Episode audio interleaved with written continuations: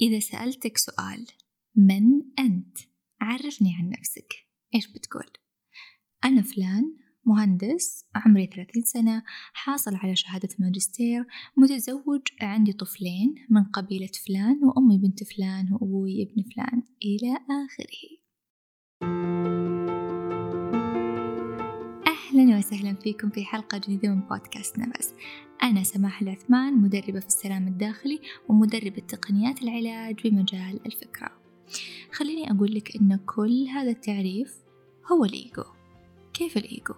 أنا قاعدة أتكلم عن نفسي. لا مو نفسك. وفي هذه الحلقة راح نوضح أكثر وبشكل مبسط المعنى الحقيقي للإيجو وهل فعلا هو صديق أم عدو لنا خذوا نفس عميق وخلونا نبدأ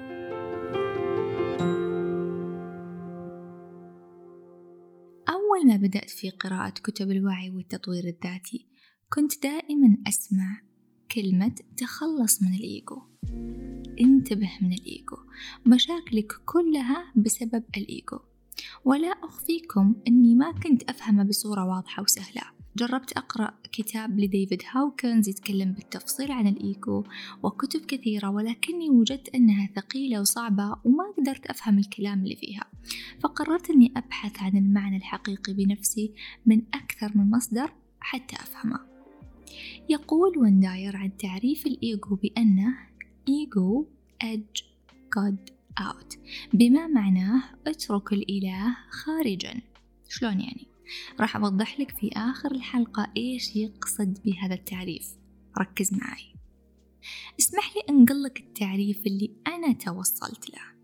أننا إحنا كأشخاص نمتلك ذات تعبر عننا.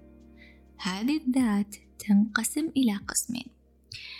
ذات حقيقية واللي هي خلقت على الفطرة اللي تخاف من الله اللي هي متصلة بالله أكثر روحانية وليست مادية وهي اللي تكون مليئة بالسلام والحب بعيدة عن الناس وأحكام الناس والعالم المادي. ونقدر نشوفها بوضوح في الأطفال اللي عمرهم أقل من سنتين. أما الذات الأخرى وهي الذات المزيفة أو اللي تسمى بالأنا أو الكبرياء أو الغرور أو الغطرسة أو الإيجو وهي الذات اللي ترتبط بالماديات أكثر. توصف نفسها عن طريق وصفها للماديات وتهتم لآراء الآخرين. منفصلة عن الروحانيات وتميل أكثر للعالم المادي وتبدأ من عمر السنتين لما يبدأ الطفل يميز الملكية. هذا حقي هذا لي هذا عشاني. هذا يرتبط بي أنا كجسد مادي كشخص. طيب وين المشكلة لو كنت أعرف نفسي بالماديات يعني بإنجازاتي؟ هنا الموضوع كله هل يجب أن أقتل هذا الإيجو فعلا وأكون بالذات الحقيقية مية بالمية وما أتكلم عن مادياتي وإنجازاتي ولا ممكن أني أنا أكون متزن؟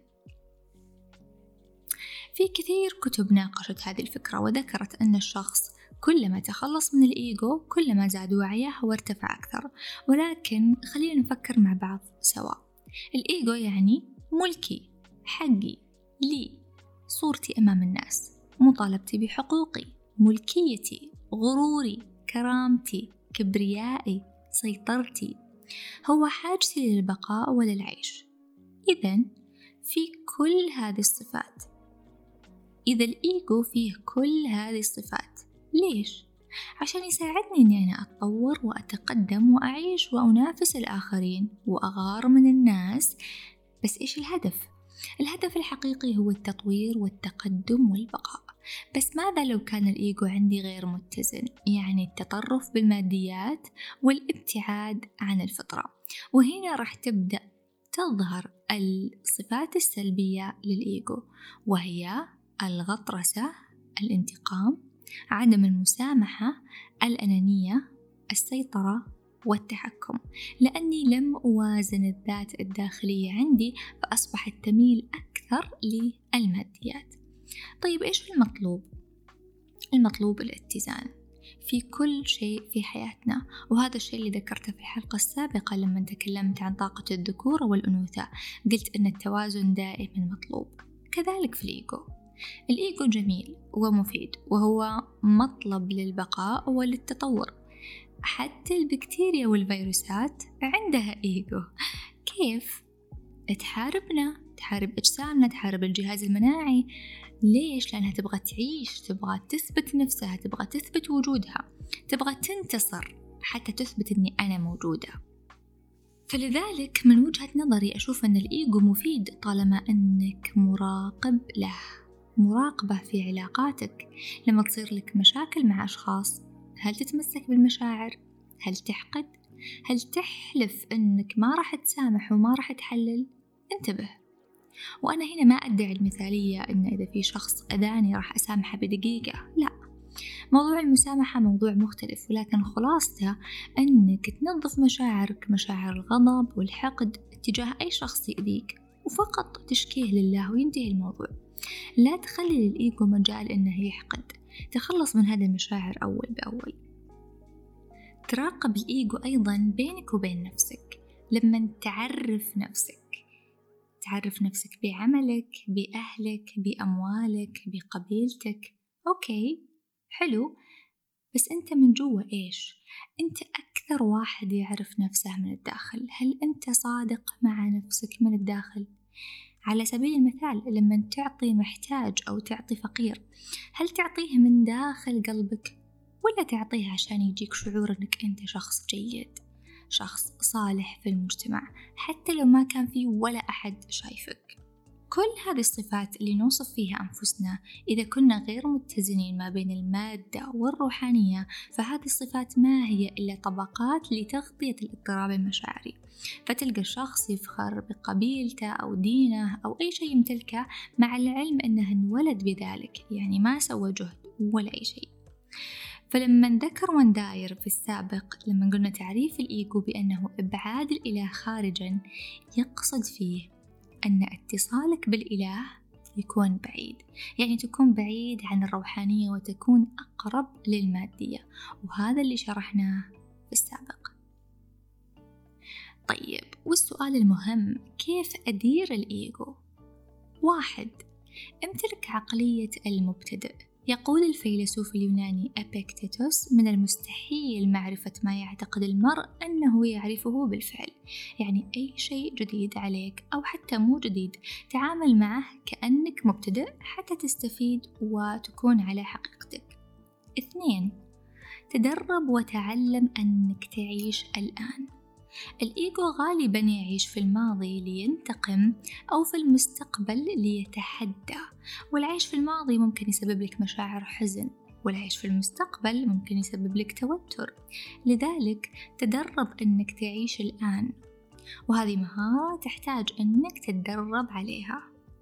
ثلاثة تخلص من السيطرة. تعلم الإدارة وليس السيطرة وفي فرق كبير بينهم. أربعة. تعلم السماح بالرحيل. رحيل الغضب رحيل الألم الحزن الحقد الخوف. لا تخلي مشاعر عالقة فيك. وأنصحك تطبق جلسة التحرر من الماضي المجانية على أكاديمية سماح لأنها جدا قوية وفيها تقنيات التي اف تي اللي راح تساعدك بإذن الله في تحرير المشاعر العالقة فيك. راح أضع لك رابط هذه الجلسة على وصف هذه الحلقة أدخل عليها طبقها وشاركني النتائج على الإنستغرام. وإذا جيت تسألني إيش هو الإيجو صديق؟ راح أقول لك إنه الإيجو اللي يعطيك الدافع للتقدم والتطور دون الانتقاص من الآخرين. الإيجو اللي أنت تراقبه وتحرص أنه يكون أقرب للفطرة من المادية. إذا استفدت من هذه الحلقة وأعجبك المحتوى لا تنسى تشاركني بتعليق عن هذه الحلقة وتقييم بخمس نجوم حتى أستمر. يعني الإيجو الصديق عندي يتشجع. وفي الختام خلونا دائما نسأل الله أنه يردنا إليه ردا جميلا أنه يردنا لفطرتنا اللي خلقنا عليها وأنه يساعدنا نتخلص ونتجرد من أحكام الناس علينا وأننا نتوقف عن إطلاق الأحكام على الآخرين أيضا وأننا نتصل فيه أكثر ونكون أكثر اتزان وحقيقة مع أنفسنا ومع الآخرين. وأنا ألقاكم في الحلقة القادمة في أمان الله.